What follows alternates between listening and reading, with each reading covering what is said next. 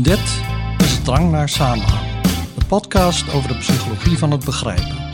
Mijn naam is Rolf Zwaan. En ik ben Anita Eerland. Vandaag de tweede in onze reeks zomerfilms. En uh, deze film heet Arrival. En het is een heel andere film dan die we vorige week hadden, vorige keer. Ja, dat kan je wel zeggen. Want Pi, dat was een arthouse film. Dit is meer een uh, traditionele Hollywood film. Mhm. Maar uh, er komen ook allemaal thema's aan de orde die ook in de podcast aan de orde komen. Dus ze zijn allebei relevant voor uh, wat wij te vertellen hebben. En dat vind ik eigenlijk wel grappig aan deze reeks films die we nu hebben. Dat ze behoorlijk van elkaar verschillen.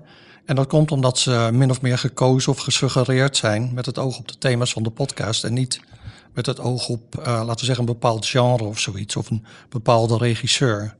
Of ja, wat dan ook. en dat luisteraars ook tips hebben aangedragen voor films. Ja. En die hebben natuurlijk ook hun eigen voorkeuren. Ja, zeker. Waarschijnlijk. Dus uh, volgens mij hebben we best wel een leuk gevarieerd uh, um, setje films. Ja, Zo. precies. En nu is dit uh, de enige die wij al eens eerder hadden gezien. Mm -hmm. um, namelijk, in, hij kwam uit in 2016. Ik denk dat we hem in de bioscoop hadden gezien. Ja, dat weet ik zeker. Dat oh, we ja. hem in de bioscoop hebben gezien.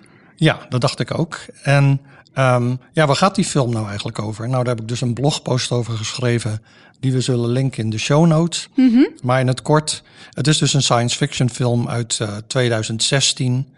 En hij is gebaseerd op een kort verhaal van Ted Chiang. En dat verhaal heet Story of Your Life. En het is geregisseerd door Denis Villeneuve, denk ik, zoals je het zegt.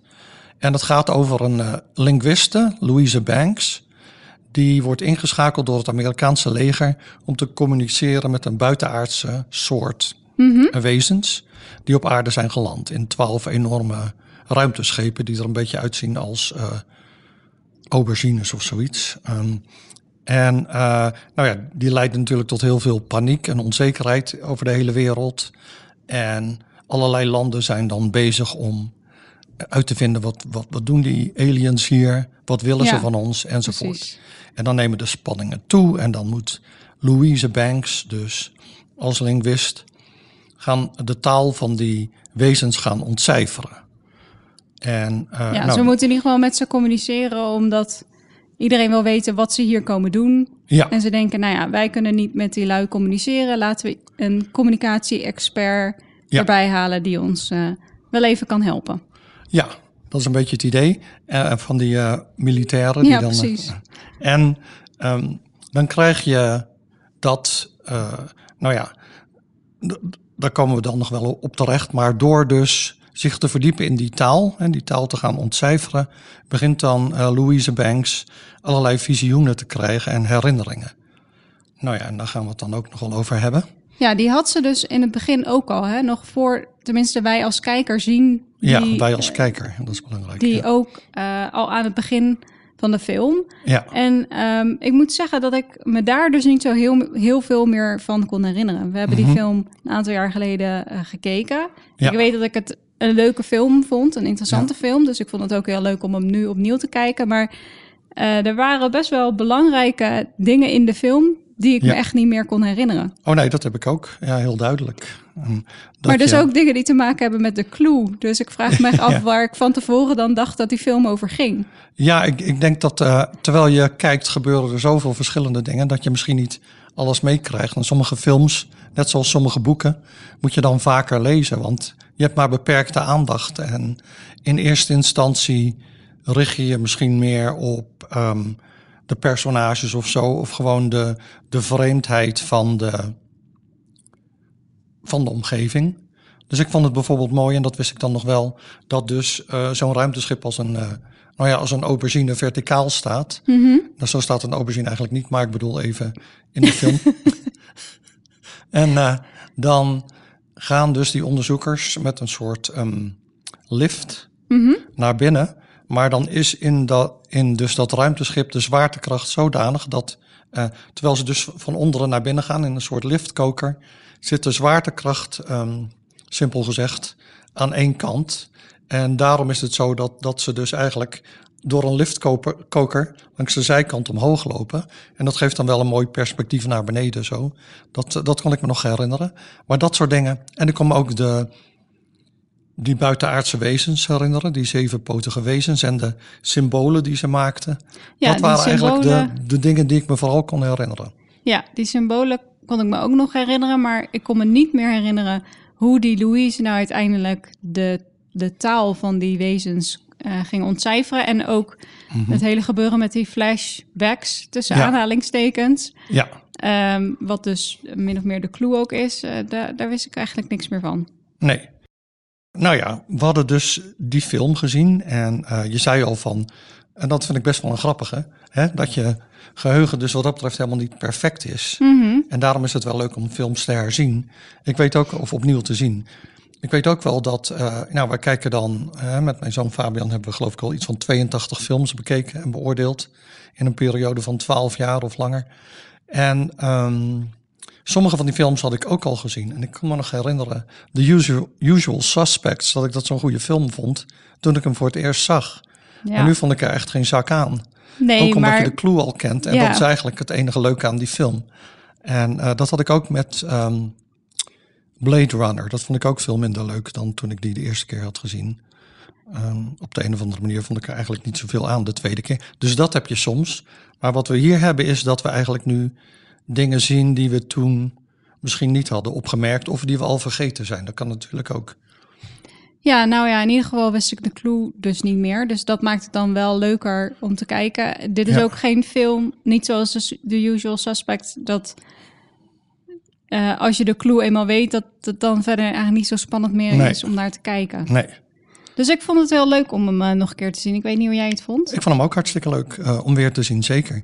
En we keken nu natuurlijk een, een beetje met een ander perspectief. Hè. We moesten er nu over vertellen in de podcast, maar ik vond dat dat eigenlijk niet zoveel uitmaakte. Ehm, ik heb niet echt heel anders gekeken dan ik normaal zou doen. Nee, ik heb alleen af en toe even wat opgeschreven. Ja, nou ja, misschien moeten we maar erin duiken dan. Hè. Wat hebben we nu eigenlijk eh, zo allemaal te vertellen over die film?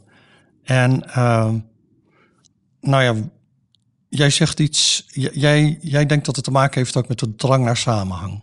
Nou ja, eigenlijk laat die hele film goed zien hoe, hoeveel drang wij hebben naar samenhang. Hoe graag wij de wereld om ons heen willen begrijpen. Want mensen in die film worden geconfronteerd met een nieuwe situatie. Dus er landen twaalf van die hangende aubergines op aarde. Eh, en daar zit buitenaards leven in. Daar willen we mee communiceren. Maar we begrijpen niet goed. Nou ja, in eerste instantie begrijpen we niet goed. hoe komen die dingen hier? Ehm, wat doen ze hier? Ehm, je ziet dat die onzekerheid heel veel spanningen met zich meebrengt. Hè? Overal ehm, breken rellen uit. ehm, mensen worden angstig, willen vluchten. En je ziet dat eh, stapje voor stapje er een poging wordt gedaan om te begrijpen, ja, om die nieuwe situatie met die twaalf ruimteschepen, om die te begrijpen. En dat vond ik heel leuk. En wat ik er ook wel leuk aan vond, en dat zag ik de eerste keer niet, want dat was voor corona. Maar nu deed deze hele situatie me ook een beetje denken aan corona. Dat er ineens een situatie is waar verschillende landen op de wereld mee te maken krijgen. Ehm, een situatie die we niet goed begrijpen, die we niet onder controle hebben. Ja, En dat je met elkaar moet samenwerken, communiceren om nou ja, te proberen ehm, de situatie te begrijpen en, en daarmee om te gaan. ja. ja, dat vond ik ook. En je zegt van, eh, het doel is om te begrijpen, maar verschillende groeperingen hadden verschillende begripsdoelen. Het was heel duidelijk dat de militairen, en logisch ook, die wilden natuurlijk weten van wat komen ze hier doen, vormen ze eventueel een gevaar. En de taalkundige, Louise Banks, en de, de natuurwetenschapper en natuurkundige, die ook een van de hoofdfiguren was, die willen gewoon begrijpen van hoe, hoe kunnen we met ze communiceren, hoe werkt hun taal. Die hebben dus meer een soort zuiver wetenschappelijk doel, terwijl de militairen een heel praktisch doel hebben. En dat conflict zag je dan ook. Nou ja, omdat je niet kunt weten wat ze komen doen als Nee. je dat niet aan ze kunt vragen. Nee, dat klopt. Dus, je, dus het is duidelijk van, we moeten eerst eh, die taal begrijpen voordat we die, eh, zulke vragen komen stellen. Daar, daar komen we dan straks nog even over te praten. Ja, want dat duurde een beetje te lang voor de militairen in de film. Ja, logisch ook wel, denk ik. Ehm, ja, militairen worden dan vaak als domkoppen afgeschilderd. Maar aan de andere kant denk ik, ze hebben natuurlijk ook hele andere dingen om rekening mee te houden. Ze kunnen niet denken, van laten we eens even drie jaar rustig die taal gaan ontcijferen. Want misschien ehm, is de hele aarde dan platgelegd of zo. Dus op zich vond ik, snapte ik nog wel, vond ik dat ook wel mooi eh, eigenlijk in beeld gebracht van, eh, ja, de ene groep heeft hele andere doelen dan de andere. Die willen niet per se de aliens in het algemeen begrijpen of die taal, maar gewoon wat komen ze hier doen en vormen ze een gevaar? Ja. Of wat hebben we eventueel aan ze? Ja, vooral dat laatste zo ook wel weer. Nou, nou vond ik het ook wel grappig eh, om helemaal in, detail te treden. Aan het begin zie je dus die Louise, die geeft dan college. Mhm. Voor een wel hele le- lege zaal trouwens. Eh, Wat is nieuw? We nou, kennen- ik weet niet. ehm, ik ben toch wel wat meer gewend dan dit, moet ik zeggen. Ja, maar Eh, jij hebt de laatste jaren geen eh, hoorcollege op die manier gegeven. Want de zalen zijn nu ook best wel ja? leeg. Oh, nou, ja. nou, ik, heb, ik kan me niet anders herinneren dan eh, dat er toch ja, wel maar heel wat nu meer... na ja. corona bedoel ik. Mhm, ja, ja. Oké, maar dit was voor corona, die film. Ja, En eh, ze zegt iets over Portugees, dat het zo'n taal was die voor de kunst is ontwikkeld. Volgens mij slaat dat helemaal nergens op. Maar goed, ik ben geen. eh, ze gingen het in ieder geval hebben over waarom Portugees zo anders klinkt dan andere Romaanse Ja. talen. ja, ik, ik begreep dat, dat stukje begreep ik niet. Ehm, maar ik weet, zoals eh, ik net zei, niet, niks van Romaanse talen. Maar dan was ook een beetje de vraag van, hè, want ze er komen dan een, een kolonel komt bij haar en die recruteert haar om dan met die eh, buitenaardse wezens te gaan communiceren. Maar dan vraag ik me af ehm, waarom zij? Want ze is dan taalkundige, maar ze wordt gevraagd omdat ze veel talen kent en kan vertalen. Maar een taalkundige is niet per se iemand die veel talen kent. Een taalkundige is iemand die zich bezighoudt met de structuur eh, en betekenis van taal. Eh, maar niet iemand die, laten we zeggen, Farsi in het Engels kan vertalen of zo. Maar het kan toch zijn dat zij gewoon dat zij wel taalkundige is, dus zich bezighoudt met de structuur en zo van taal. Maar dat zij op de een of andere manier, misschien omdat ze dat zelf leuk vindt, ook toevallig heel veel talen spreekt. Ja, dat, dat zou kunnen. Maar, maar, ze wordt, maar dat is wel, eh, ik dacht, het geeft wel een beetje een vreemd beeld van taalkundigen. Alsof dat alleen maar vertalers zijn. Eh, dat vond ik dan een beetje eigenaardig daaraan. Maar ja, dat geeft misschien aan hoe die militairen denken over wat zij nodig hebben. Zij denken, we moeten iemand hebben die kan vertalen. Ja, Die die taal begrijpt en dan eh, aan ons kan uitleggen wat dat dan in het Engels... en wat die, eh, die buitenaardse wezens aan ons willen communiceren. ja, Maar dat het veel ingewikkelder is en dat, dat je om te vertalen eigenlijk veel meer moet weten over taal, de structuur van taal en zo. ja. dat maar- zit daar helemaal niet in. Nee, maar ik, ik bedoel, eh, nee, maar dat zijn eigenlijk twee, eigenlijk zijn dat twee verschillende types. Ik bedoel, het is niet zo als je taalkunde studeert dat je dan vertaler wordt, noodzakelijkerwijs. Dat is gewoon een, een andere tak van sport eigenlijk. Ja, dat snap ik wel. Ja. Maar het gaat erom dat die militairen een ander idee hebben van wat ze nodig hebben. Ja, En dat deze taalkundige misschien toevallig ook gewoon veel talen spreekt. Hmm, Oké, ja, ik kre- ik kreeg meer het idee, want er wordt ergens toch gezegd in, in dat gesprek tussen die kolonel en Louise van, eh, ja, want we hebben gezien dat jij heel snel Farsi in het Engels kon vertalen of zo. Dat zit er- ergens in de, aan het begin. Maar goed, voordat we zover eh waren, zitten we nog in dat verhaal van het Portugees. En zij vertelt van, eh, nou ja, Portugees, taal voor de kunst of whatever. En dan zitten de studenten allemaal met hun laptops. Nou, allemaal, die paar die er zitten. En dan zegt eh, eentje, eh, kunt u misschien het nieuws aanzetten? Ja, En eh, ze staat voor zo'n groot scherm. nou, ze staat voor gewoon zo'n schoolbord, zo'n krijtbord. Oh ja, dan doet ze. Ja. En dat schuift ze opzij. Daarachter zit dan een Ja. grote televisie. En hup, met twee drukken op de knop heeft zij de tv aangekregen. Geluid doet het. ja. Nieuwskanaal heeft ze gevonden. En toen dacht ik wel even, wacht even, dit is echt niet realistisch. Want eh, in al die eh, lokalen en zo waar ik les moet geven, hebben we ook zo'n tv met een, nou, of een smartboard en weet ik veel Ja. wat. Nou, in 9 van de 10 keer werkt het niet zoals je denkt Ja. dat het zou moeten werken. Dus dat je en beeld en geluid hebt binnen een halve minuut, ja. vond ik niet zo realistisch. Nee, ik zal je zelfs vertellen dat ehm, ik toen ik dus eh, in mei nog wel college gaf hè, voor een zaal, dat ehm, ik ging, pre- ik ging, ik ging een college geven over presenting in English in een zaal met ook zo'n scherm en zo. Eh, maar ik kreeg dus geen verbinding tussen mijn laptop en eh, dat scherm, want ik was vergeten een snoertje mee te nemen. In sommige lokalen liggen die snoertjes en andere niet. En hier lag er dus geen, of het was meegenomen. Dus ik moest presenting in, in English doen, zonder dat ik mijn presentatie kon laten zien. Dus dat is nog even wel wat anders dan even in twee klikken het nieuws vinden. Maar goed, dat vond ik ook niet zo eh, realistisch. Ehm, maar goed, Anders wordt het wel een hele lange film, hè? ja, ja. Als het een half uur duurt voordat ze de nieuwszender heeft gevonden. Eerst op zoek naar een snoertje en zo. Naar de, Oh, ik heb mijn verloopstekker niet bij me. ja. Oh, mijn batterij is leeg. Is er nog ergens een stopcontact in de zaal? ja, dat is waar. Het zou wel realistisch zijn, maar een ja, beetje een maar niet eh, zo leuk. Nee. marathonfilm. Ja, nee. Dit was prima. Deze was trouwens ook lekker kort. Dat vond ik ook wel fijn. Want ik hou niet zo van hele lange films. Nou, hij was 1 uur en 52 minuten. Ja, best Ja. wel oké. Net iets langer dan een gemiddelde Disney-film. Ah, oké. maar wel wat stukken onderhoudender.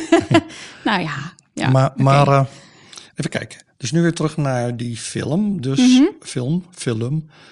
Hoor je nog toch nog Mhm. Ja, een beetje. Rotterdams? Ja. Eh Rolf heeft het over de film. Ehm, ja, Louise die moet dan dus die, oh ja, die, die gaat communiceren met die buitenaardse wezens. Ze is dan eh, in die eh, aubergine, verticaal. of nou, zij is dan op dat moment Ja. horizontaal ten opzichte van het aardoppervlak. Maar goed, ze staat eh, achter zo'n scherm en dan heb je dan die wezens. Dat zijn een soort uit de kluiten gewassen octopussen met één poot minder. En eh, Daarom ja. noemen ze ze ook heptapods. Heptapods, ja, precies. Nou ja, die, eh, daar is zij dus mee aan het communiceren. En ze zegt van, eh, ze wil ze wel kunnen zien. Want in, in het begin wilde ze dat zij gewoon beneden bleef, geloof ik, niet in de aubergine. En dat ze eh, alleen maar dus de geluiden zou horen of zo. Maar zij zei van, ik wil ze wel echt zien en zo. Ja, En ze hadden haar, sterker nog, toen, dan moeten we heel even weer terug, maar toen ze Ja. werd gevraagd om mee te werken, toen hadden ze ook een opname van het geluid van die heptapods Ja. meegenomen. En toen zei, liet ze dat aan haar horen, zeiden, kun je even zeggen wat ze hier zeggen? ja, inderdaad. Toen dacht ik echt, nou ja, dat is wel heel simplistisch. Ja, ze klinkt een beetje als een misthoorn. Dus hoe Ja. je daar nu ineens eh, iets van chocola van kan maken, dat eh, snapte ik ook niet. Hoe de militairen dat konden denken. En, eh, maar goed, ik, ik vond het op zich wel leuk, omdat ik me inderdaad kan voorstellen. Oh, daar kwam ook, daar kwam ook dat Farsi in voor. Want toen zei die eh, kolonel, maar toen jij Farsi vertaalde, hoefde je toch ook niet die mensen te zien. Toen zei ze, ja, maar dat zijn ook andere mensen en daar kan ik me wat bij voorstellen. Maar hier niet. Dus het idee dat je dus context nodig hebt om taal te begrijpen. Misschien dat je dan ook gebaren ziet. Nou hadden die heptapods dus zeven poten, maar erg veel gebaren maakten ze nou ook weer niet. Maar dat zou in principe kunnen, hè? net zoals wij. Als wij eh, met elkaar communiceren, maken we gebaren. De toonhoogte verandert. eh, je, je kijkt naar bepaalde dingen als je praat. En al die dingen hebben een invloed op degene die naar jou luistert. Op hoe, hoe die persoon begrijpt. Die begrijpt niet alleen de woorden, maar ook de intonatie. En zo kun je horen of iets een vraag is of niet, bijvoorbeeld. Ehm, gebaren eh, kunnen aanvullen wat je zegt. En zo eh, is het ook met eh, gelaatsuitdrukkingen. Nou ja, dus vanuit die optiek vond ik het wel begrijpelijk dat ze dus ehm, een tête-à-tête wilde hebben met Met de heptapods. Ja, Nou ja, en gelukkig maar dat ze dat deed. Want omdat ze die heptapods kon zien... eh, en ook Hmm. een beetje naar, naar ze toe kon lopen, naar dat eh, scherm toe en zo. Zo kwamen ze erachter dat ze eigenlijk op een heel andere manier communiceren dan via geluid. ja, ja, want ze zei, ehm, je zat al vrij snel door dus dat de symbolen die die, ehm, die wezens uit een zui- zuignap konden projecteren, of eh, weet ik wat ze deden eigenlijk. Het was een soort ehm, zwart patroon, een cir- cirkelachtig. Ja, ik had het idee dat het een soort, eh, net als bij een inktvis, dat, dat er dan een soort inkt zo, uitspoot. En dat daarmee werd een bepaald symbool gecreëerd. ja. Op basis van wat zij wilde communiceren. En dat was heel ingewikkeld. Ja, en, en ze zei van, oh ja, er is geen correspondentie tussen de geluiden die ze maken en die symbolen. Terwijl dat in menselijke taal wel zo is. Hè, we hebben daar zelfs nog een aflevering over gemaakt. En niet een perfecte correspondentie, maar er is soms een correspondentie. de Kiki Booba aflevering. Ja. Dat Kiki, als mensen dat geluid horen, dan denken ze dat het verwijst naar een voorwerp dat scherpe kanten heeft. En met Booba denken ze meer aan een rondvormig Ja, een beetje zo'n blob. Ja, dus als je een blob ziet en een ster en je hoort Kiki en je moet aanwijzen welke van de twee is het, dan kiezen de meeste mensen die ster. En dat komt dan omdat de klanken K en I eh, iets scherps suggereren. Ja, Eh, nou ja, dat is dus allemaal niet aan de hand, blijkbaar met die taal van die buitenaardse wezens.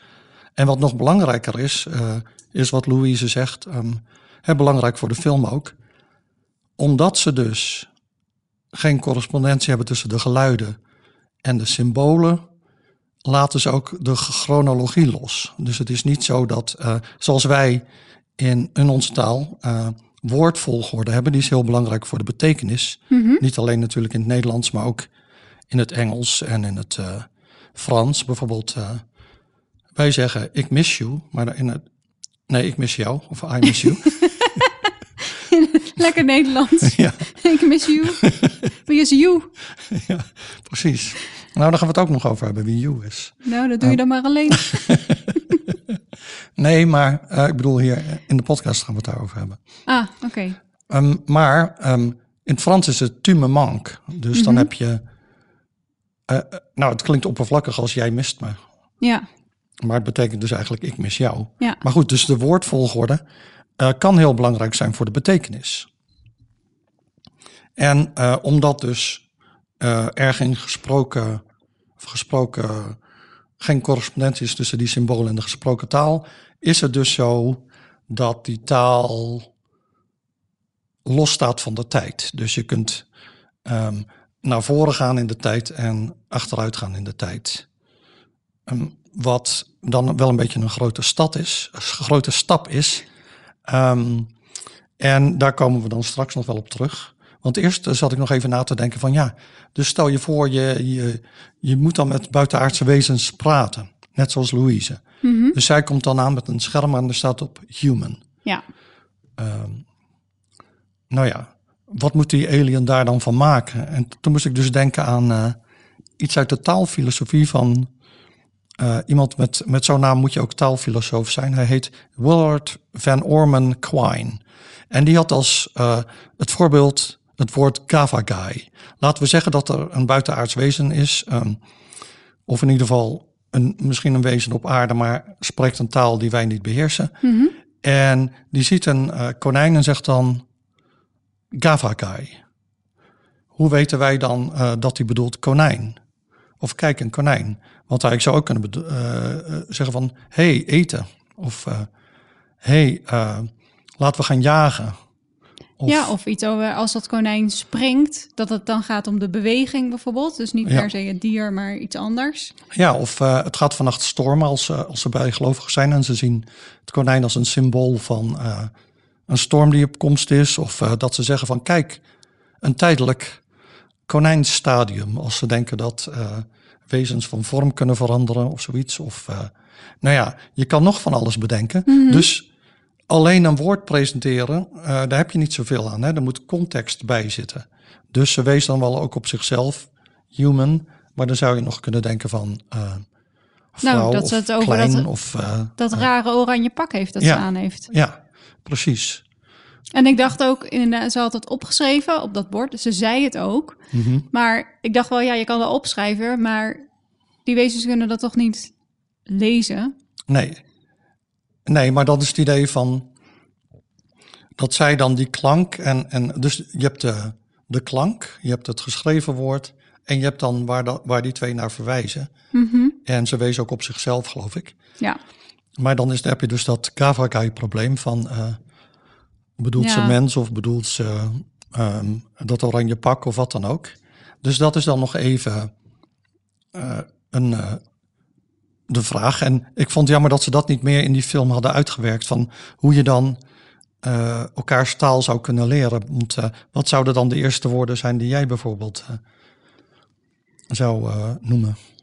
Poeh, ik denk wel een beetje wat zij in de film ook doet. Dus dat je eerst een concept van jezelf, dus Mhm. ik en dan je naam, en dan ook wijzen naar de ander. Hè? Dat je dat Ja. wil, dat je soort van vast wil stellen wie de ander is en ook wel zeggen wie jij bent. En dat Ja. je dan ook dat verschil duidelijk kan maken. Mhm. Op een gegeven moment gaat zij ook die Ian, eh, die medewetenschapper die eh, Ja. erbij is, eh, die gaat ze dan voorstellen. Dus Ja. dus ook een human, maar heeft ook, ook een andere naam. Ik denk dat dat, ja, ik denk dat ik daarmee zou beginnen. Ja, en dan verder met hele concrete dingen waarschijnlijk. Dus bijvoorbeeld, nou, ze heeft dan vingers natuurlijk, dus ze kan doen 1, 2, en zo, om te kijken van eh, hoe correspondeert dat met eh, de aliens, dat soort dingen. Daar begin je natuurlijk mee met hele simpele dingen die je kunt uitbeelden. Ja, precies. Ja, En- want ehm, zij, nou ja, die militairen willen steeds weten, uh, what is their purpose on Earth? Ja. En toen dacht ik, oh ja, purpose. Dat is Ja. een super moeilijk woord. Hoe kun je dat nou, als je nog helemaal geen common ground hebt, je, be- je begrijpt elkaar nog helemaal niet, hoe kun Nee. je dan het gaan hebben over purpose? Ja, nee, dat klopt. En, en dat heeft dan ook te maken met eh, wat ze in de cognitieve psychologie noemen en ook in de filosofie grounding. Dus sommige woorden die zijn onmiddellijk, eh, zeg maar, gegrond in, pers in waarneming en eh, handelingen bijvoorbeeld. Mhm. Nou ja, dus bijvoorbeeld het woord voet, laten we zeggen, of boom, Ja, dingen die je kunt waarnemen. Ja, En die zijn veel makkelijker natuurlijk aan elkaar eh, te leren dan zoiets als doel. Hè, wat, wat is jullie doel? Wat komen Mhm. jullie hier doen op aarde? Kijk, dat zijn wel natuurlijk interessante vragen. En met dat soort Nou, woorden kun, je, ja. kun je ook heel interessante gesprekken voeren. Maar voordat je daar bent, Ja.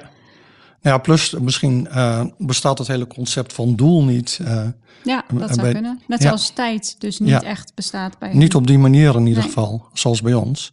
En eh, nou ja, dat, maar het is logisch dat die militair dat wil weten. Hè? Dat is wat we al eerder zeiden. Die heeft een andere Mhm. reden om te communiceren dan de, de wetenschappers.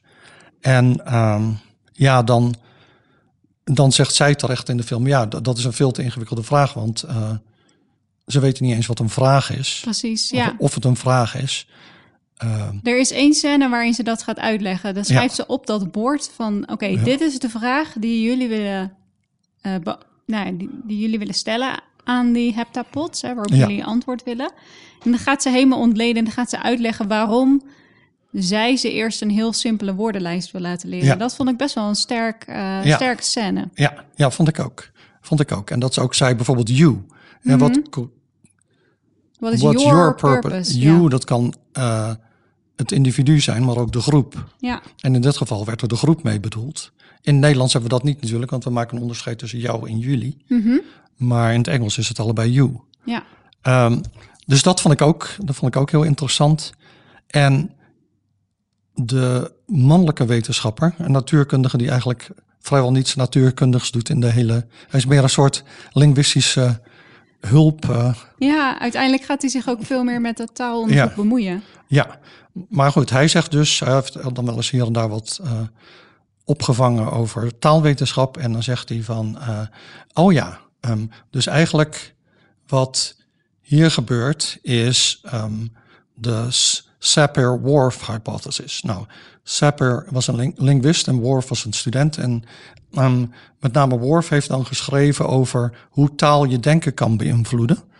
En eh, je hebt dan een sterke versie van wat hij zegt en een zwakke versie. De zwakke versie is taal kan enigszins eh, beïnvloeden hoe mensen denken. Hè, dus de taal die je spreekt. Ja, Dus om een voorbeeld te geven van eh, uit, uit psychologisch onderzoek. Eh, in het Russisch hebben ze verschillende woorden voor lichtblauw en donkerblauw. ja, Dus wij kunnen ook zeggen lichtblauw en donkerblauw, maar dan heb je wel gewoon ehm, twee versies van blauw. ja, blauw zit er wel. Ja, Het, het is allebei blauw. ja, maar in het Russisch zijn er twee verschillende woorden.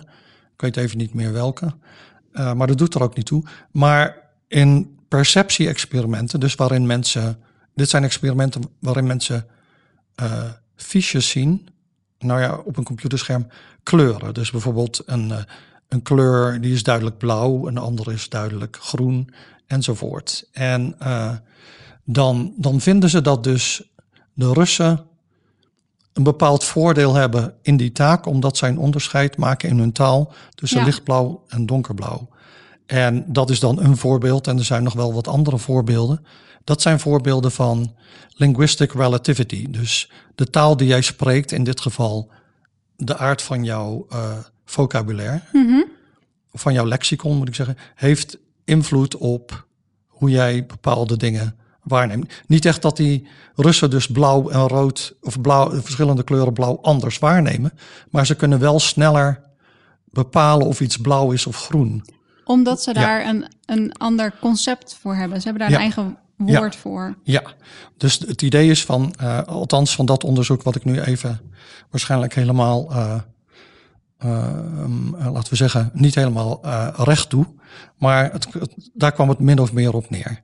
Ik vind dat dus heel leuk onderzoek. Ja, ja ik vind het ook wel interessant. Um, maar het, het, laten we zeggen, dat is dus een, een, een, hele lichte versie van die hypothese dat taal je denken beïnvloedt. Maar je hebt ook um, linguistic determinism. En dat is dat je dus echt zegt, de taal die jij spreekt beïnvloedt, bepaalt hoe jij denkt. En dat is waar dat personage, gespeeld door Jeremy Ren, Ian heet hij, oh ja, wat hij zegt, van uh, de taal bepaalt hoe je denkt. Nou ja, en dat, dat is eigenlijk ook hoe het in de film gaat. Hè? Want omdat die, die aliens dus een taal hebben die geen volgorde heeft, van achter naar voren, voor naar achteren, kunnen ze ook de tijd zo beleven. Dus ze hebben die taal, is dan mhm. het idee. Ja. En dat maakt dat zij de tijd van voor en achteren kunnen beleven. Dus als Louise die taal leert, kan zij dat ook. Dat is een beetje de implicatie. Ja, ja, dus ook al leert ze dat op een latere leeftijd en heeft ze al een basis in een andere taal, of eigenlijk in heel veel andere talen, dan nog heeft het leren van die nieuwe taal, de taal van die heptapods, ja. zoveel impact op haar brein. Ja. Dat zij ook dat, um, nou ja, dat, dat haar tijdsbesef ook meer fluïde wordt. Ja. Zo.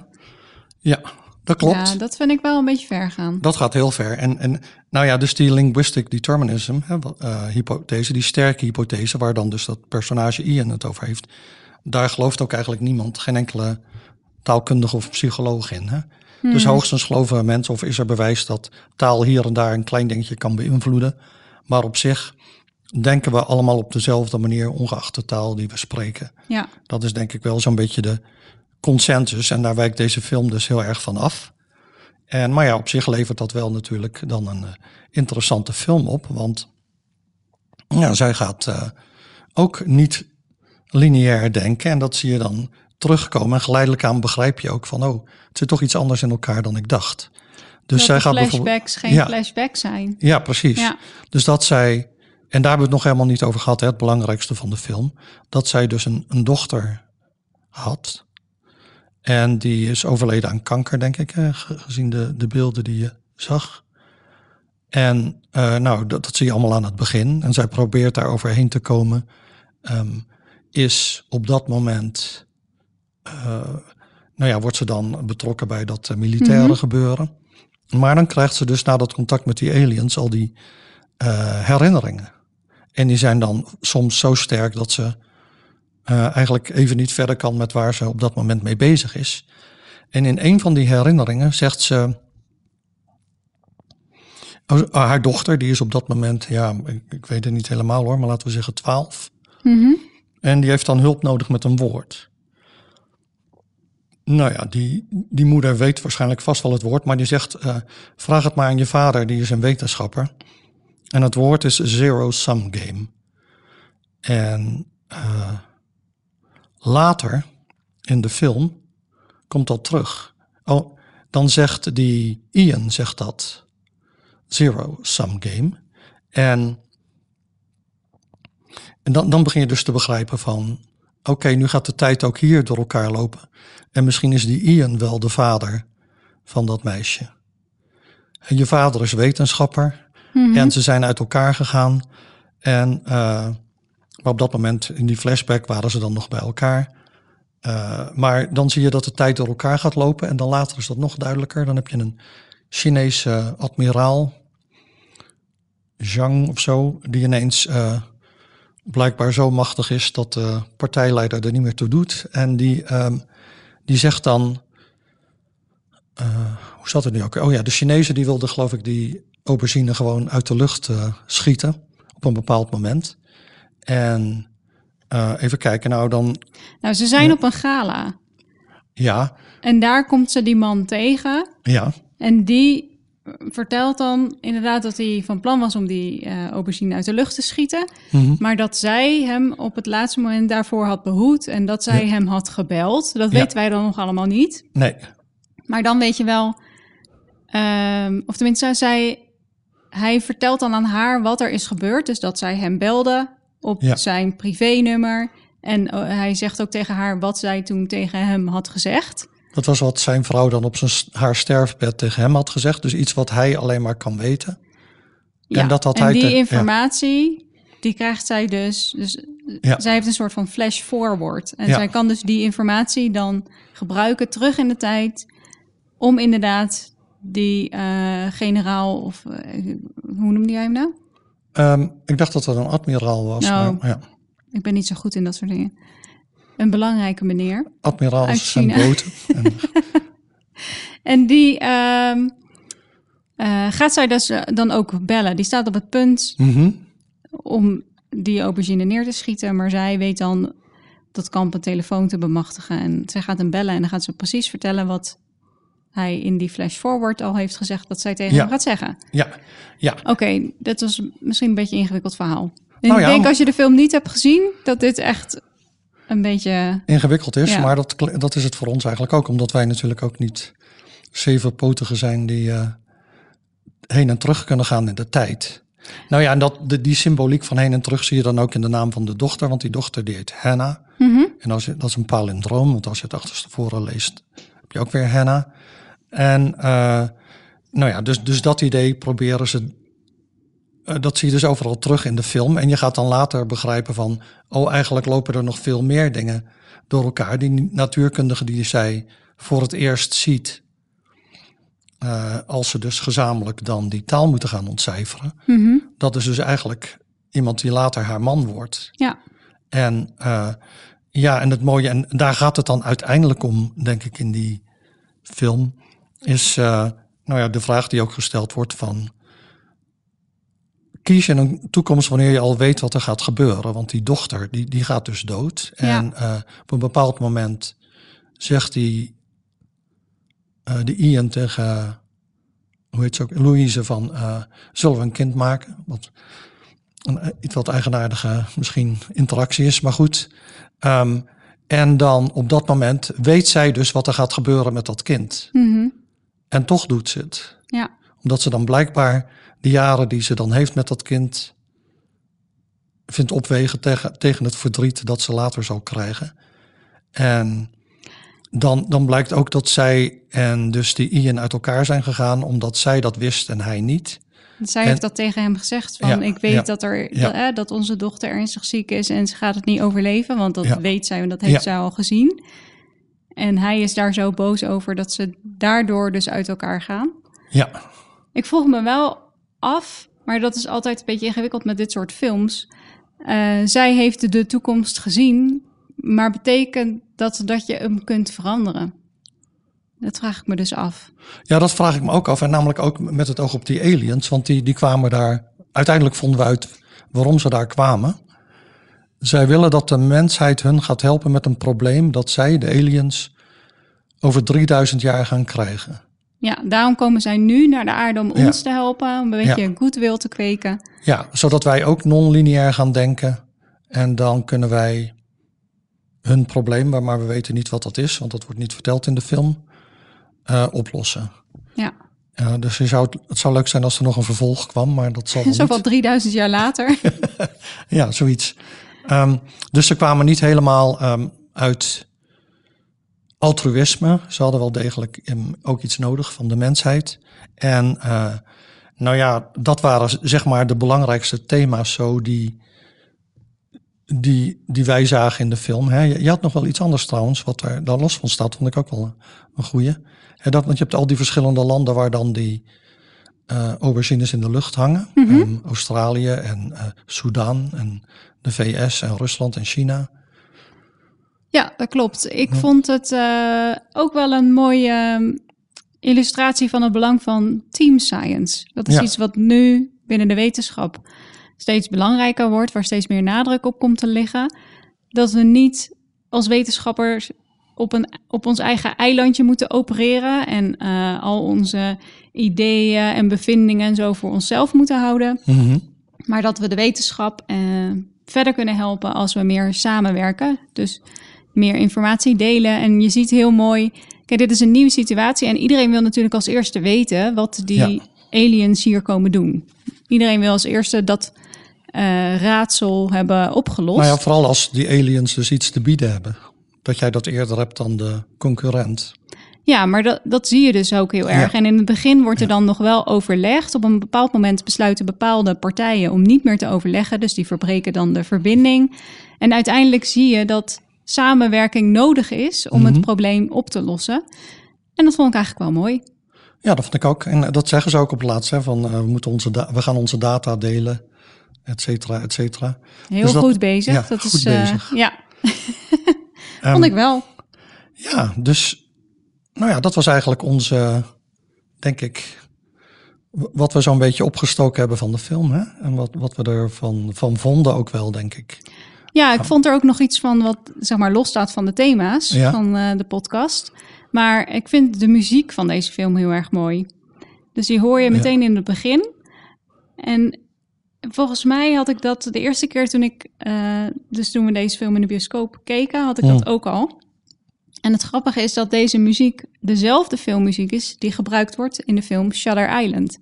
Waarover we het twee weken geleden ook al kort hebben gehad. Ja. En ik wilde nog heel even aan jou vragen, omdat we ook een aflevering hebben gemaakt over klinken sommige talen mooier dan andere. Mhm. Aflevering eh, 69. Over ehm, de klank van de taal van de heptapods. Oei, ehm, nou ja, dat, Dat is wel eh, eigenlijk een beetje een strikvraag, bedenk ik nu. het, het, ja, wat ik al zei, ik vond het een beetje misthorens. Dus eh, ik kan er niet veel meer over zeggen. Over de gespro- eh, gesproken taal, dat was meer een soort vaag geloei. Ja, eh, en ik zei, is eigenlijk een strikvraag, want de vraag is wel of dat eigenlijk de taal was. Oh, ja, ja. Ja. nou ja. Ja, dat is dus eh, omdat zij zegt eh, de gesproken taal staat los van de geschreven taal. Is de vraag van, is de gesproken taal dan wel een taal? Ja, of Ja, zijn dat- het gewoon bijgeluiden of zo die ze maken van, Hmm. met beweging, of is dat hun ademhaling of weet ik veel. Dat is trouwens een klein taal, taalkundig dingetje wat ik nog had kunnen noemen. Eh, dus de geschreven taal, de spelling, dat is de orthografie. Mhm. En die correspondeert in eh, veel westerse talen met de uitspraak, maar niet overal even sterk. Dus bijvoorbeeld in het Engels eh, juist niet. Mhm. En in het Frans ook. Als kind dacht ik altijd Renault, de auto. Oké, dat is R-E-N-O. Ja, Maar dat is R-E-N-A-U-L-T.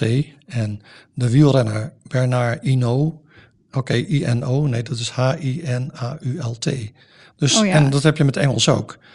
Eh, met Nederlands is dat al minder het geval. En nog minder met bijvoorbeeld eh, Italiaans of Kroatisch. Dat, dat schrijf je bijna zoals je het uitspreekt. Dus als je het geschreven ziet staan, weet je hoe je het moet uitspreken. Terwijl in het Engels weten ook vaak veel moedertaalsprekers van het Engels eigenlijk niet hoe je een bepaald woord uitspreekt. er zijn veel combinaties, bijvoorbeeld Ja. O-U-G-H-T of zo. En dat kun je op heel veel verschillende manieren uitspreken. Ja, of eh, ook, eh, even kijken. Ja, je kan dus, laten we zeggen, dat is een eh, voorbeeld uit linguïstiek. Het woord fish zou je kunnen spellen als P-H-O-T-I. Want P-H-O... T-I. Want PH is F als in foto. Eh, E.